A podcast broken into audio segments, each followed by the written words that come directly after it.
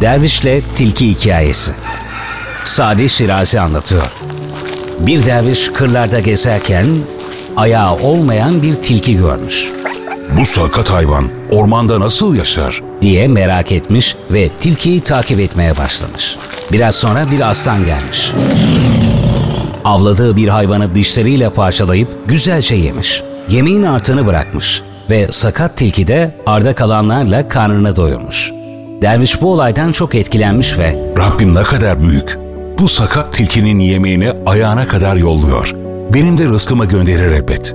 Öyleyse ben de çalışmayayım, Allah'a sığınıp rızkımı bekleyeyim. diye düşünmüş. Aradan günler geçmiş, derviş aç ve perişan halde bekliyormuş. Bir arkadaşı dervişi kuytu bir köşede gözlerinin feri gitmiş, yüzünün rengi solmuş halde görünce ne olduğunu sormuş. Derviş şahit olduğu sakat tilki hadisesini anlatmış.